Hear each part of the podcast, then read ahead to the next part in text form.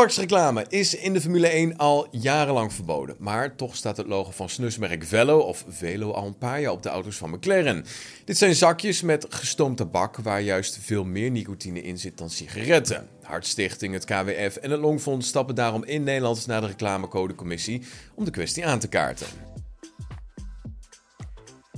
In Nederland mag je de nicotinezakjes niet verkopen, maar reclame ervoor maken, dat is niet verboden. Het toont aan hoe de tabaksindustrie er alles aan doet om jongeren verslaafd te maken. Juist bekende sporters doen het goed onder jongeren en dat zijn voor hen toch de echte helden.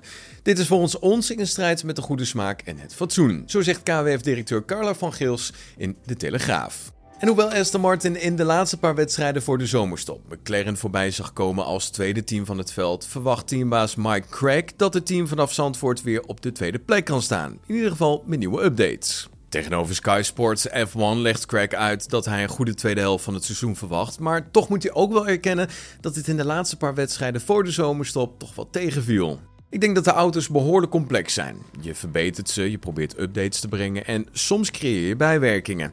Of je verandert de balans een beetje en ineens is de auto bijvoorbeeld minder makkelijk te besturen dan voorheen. Ja, dat zijn dingen die je pas doorhebt als je aan het rijden bent.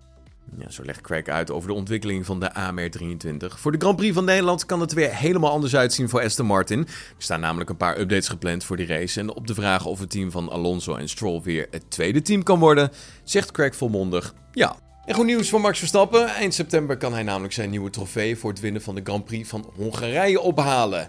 Lando Norris stootte de beker op het podium omver en die brak vervolgens in stukken.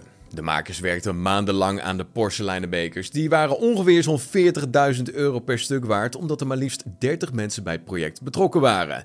Het Hongaarse Formula.hu meldt nu dat de productie van de nieuwe beker inmiddels onderweg is.